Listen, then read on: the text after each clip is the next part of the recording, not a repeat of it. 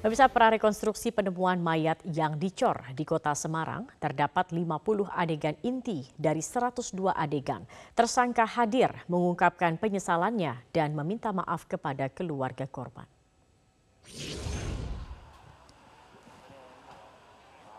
Setelah sempat merasa tidak menyesal saat konferensi pers kemarin, Hussein tersangka pembunuhan dan mutilasi pemilik toko galon di kota Semarang kini meminta maaf kepada keluarga korban dan menyesali perbuatan kejinya. Setidaknya 50 adegan dari total 100 adegan dilakukan pada prarekonstruksi kali ini. Sementara sisa adegan akan dilanjutkan pada rekonstruksi bersama jaksa pada minggu depan karena ada sejumlah TKP selain di toko milik korban.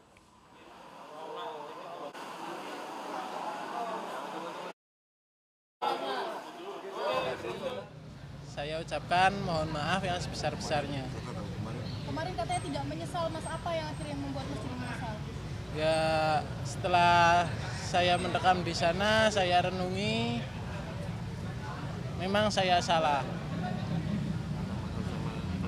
Saya minta maaf juga sama keluarga saya sendiri atas perilaku saya seperti ini. tangannya diangkat minta maaf tangannya diangkat ayo fotokan Ya. Minta maaf semuanya atas perilaku saya. Sama pihak kepolisian juga saya minta maaf. Dan pemirsa untuk mengetahui lebih lanjut mengenai prarekonstruksi kasus pembunuhan mayat Dicor, jurnalis Metro TV Reida Pulpi akan melaporkan langsung dari Semarang, Jawa Tengah. Pulpi bagaimana jalannya prarekonstruksi hari ini? Apakah ada fakta baru yang terungkap dalam prarekonstruksi?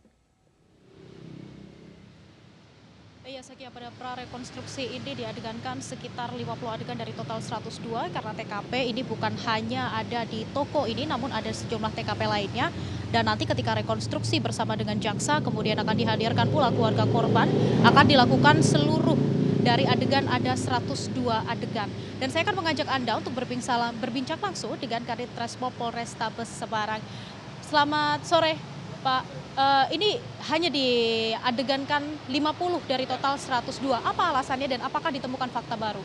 Jadi memang hari ini kita melaksanakan prarekonstruksi hanya setengah dari total adegan dan itu 102 karena ada beberapa eh, TKP yang memang tidak di sini. Jadi kita hari ini fokusnya adalah eh, kronologis pada saat pelaku ini melakukan pembunuhan pertama kali menggunakan linggis, kemudian dilanjutkan memutilasi korban menjadi empat bagian dan kemudian dilanjutkan sampai proses pengecoran eh, jenazah korban. Jadi Termasuk hari ini juga kita belum menghadirkan saksi, masih menggunakan pemeran pengganti. Ya, nanti ketika proses rekonstruksi berjalan, nanti akan kita hadirkan secara lengkap dan dengan total adegan seluruhnya seperti itu. Ya. Pak Dion, apakah ada fakta baru yang ditemukan? Eh, Sampai saat ini eh, untuk keterangan dari pelaku, dari mulai tahap interogasi, pemeriksaan sampai hari ini semuanya masih sama dan konsisten. Sama, ya. Pak Dion, kami mendapat informasi bahwa sebelum tersangka utama Hussein ini ditangkap bahwa dari uh, pemilik angkringan begitu menyebut bahwa dirinya ikut membantu memindahkan jenazah. Tapi tampaknya ada sedikit perbedaan. Ini apa? Bagaimana dapat dikonfirmasi?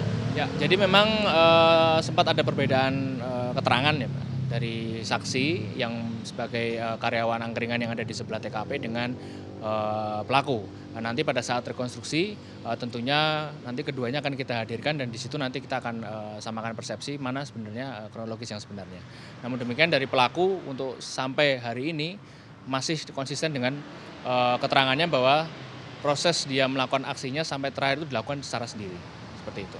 Dilakukan sendiri. Tadi Pak Dion menyebut bahwa ada sejumlah TKP lainnya selain toko ini. Di mana saja Pak? Eh, jadi TKP itu hanya TKP perjalanan pelaku eh, sebelum dan sesudah melakukan aksinya. Jadi eh, setelah melakukan aksi pembunuhan, memang pelaku sempat keluar untuk membeli minuman. Eh, kemudian hari berikutnya juga pelaku sempat pergi eh, untuk menjual beberapa barang yang diambil eh, dari korban. Sekaligus juga eh, pelaku ini sempat memesan eh, cewek melalui aplikasi micet di sebuah hotel tidak jauh dari sini. Nah, itu nanti kita akan rekonstruksi pada saat rekonstruksi minggu depan kita hadirkan lengkap ke sana juga. Berarti untuk sementara ini merupakan pelaku tunggal. Ya, sementara masih pelaku tunggal. Ada kemungkinan dari karyawan angkringan nanti juga akan menjadi tersangka atau bagaimana? Ya, jadi untuk sementara masih pendalaman. Nanti apabila memang ditemukan adanya unsur pidana eh, dari salah satu pegawai angkringan, nah, tentunya nanti kita akan bisa naikkan statusnya seperti itu. Pak Dion, kami masih sedikit kesulitan untuk menghubungi keluarga korban begitu. Dari pihak kepolisian sendiri apakah bagaimana tanggapan keluarga korban? Jadi memang untuk sampai sekarang keluarga korban memang kami pun sulit untuk menghubungi. Eh, Kita juga sudah memberikan kesempatan pelaku untuk menghubungi korban, eh, keluarga pelaku. Juga sampai ini belum bisa dihubungi. Kemudian keluarga korban kemarin memang sempat ada yang perwakilan, ada yang hadir ke kantor, eh, hanya meminta izin untuk eh, melihat lokasi dan mengambil beberapa barang-barang berharga milik korban seperti itu. Ya. Berarti dari tersangka ini belum bertemu juga dengan keluarga korban. Belum, sampai saat ini belum. Untuk besok saat rekonstruksi dengan pihak jaksa, apakah ada rencana keluarga korban akan dihadirkan? Ya, nanti kita akan komunikasi dengan keluarga korban. Eh, Apabila berkenan untuk hadir, tentunya kami persilakan untuk hadir seperti itu. Ini kemarin eh, dari tersangka ini kan menyebut bahwa korban ini memang sering melakukan kekerasan. Kalau kita lihat dari hasil penyelidikan pihak kepolisian, bagaimana hasilnya? Ya, jadi memang eh, dari hasil pemeriksaan pengakuan dari tersangka ini memang selama bekerja bersama dengan korban selama satu bulan itu memang sering eh, mendapatkan perlakuan kasar seperti itu ya kurang lebih eh, ada pukulan di muka kemudian ada beberapa kali dia disundut menggunakan rokok itu juga kita kuatkan dari keterangan eh, saksi yang memang se- sebagai teman curhat lah kurang lebih seperti itu. Jadi setiap kali pelaku ini mendapatkan perlakuan kekerasan dari korban itu pelaku selalu bercerita kepada rekannya seperti. Tapi apakah dari pihak kepolisian ada hasil visum atau mungkin sisa-sisa luka di tubuh tersangka ketika ditangkap? Ya. Kalau hasil visum kita belum ada ya. Jadi untuk kasat mata sampai saat ini memang lukanya sudah hilang semua seperti itu. Ini sempat ramai mengenai tes kejiwaan, Pak Dion. Apakah nanti tersangka akan mengikuti tes kejiwaan? Nanti untuk tes kejiwaan untuk sama, sampai sekarang belum, namun nanti kita eh, menunggu perkembangan lebih lanjut pemeriksaan apabila dibutuhkan kami sudah berkomunikasi dengan pihak Polda dan juga pihak rumah sakit untuk melakukan tes kejiwaan seperti itu. Ya, saat ini belum. Oke, baik. Terima kasih Pak Dion atas waktunya. Pemirsa, memang untuk saat ini kasus eh, pembunuhan dan dimutilasi mayat yang dicor di Tembalang Kota Semarang sampai saat ini masih dalam proses eh, penyidikan lebih lanjut ol- oleh pihak kepolisian. Seperti yang tadi sudah disampaikan, ada sedikit perbedaan keterangan antara saksi yang merupakan karyawan angkringan dengan tersangka Hussein.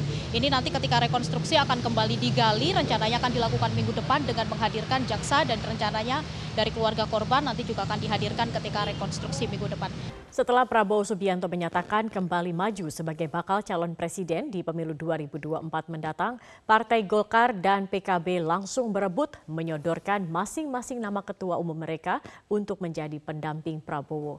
Wacana pembentukan koalisi besar yang digaungkan tiga partai diperkirakan tidak akan berjalan mulus.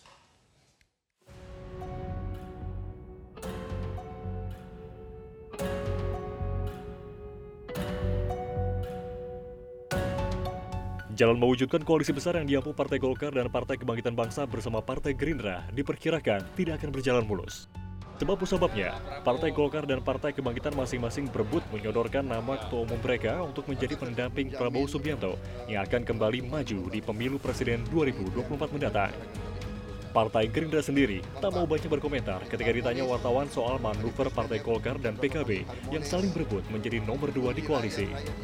Jadi begini, kesepakatan eh, yang tertulis antara Partai Gerindra dan Partai PKB tentunya soal capres cawapres itu akan diserahkan eh, sepenuhnya kepada kedua pimpinan partai yaitu Pak Prabowo dan Pak Muhaimin sehingga segala kemungkinan yang ada nama yang ada itu akan diputuskan oleh Pak Prabowo dan Pak Muhaimin demikian saya nggak bisa mendahului di sini. Makasih Beberapa hari terakhir, Ketua Umum Partai PKB Muhaimin Iskandar rajin sowan ke beberapa mantan wakil presiden.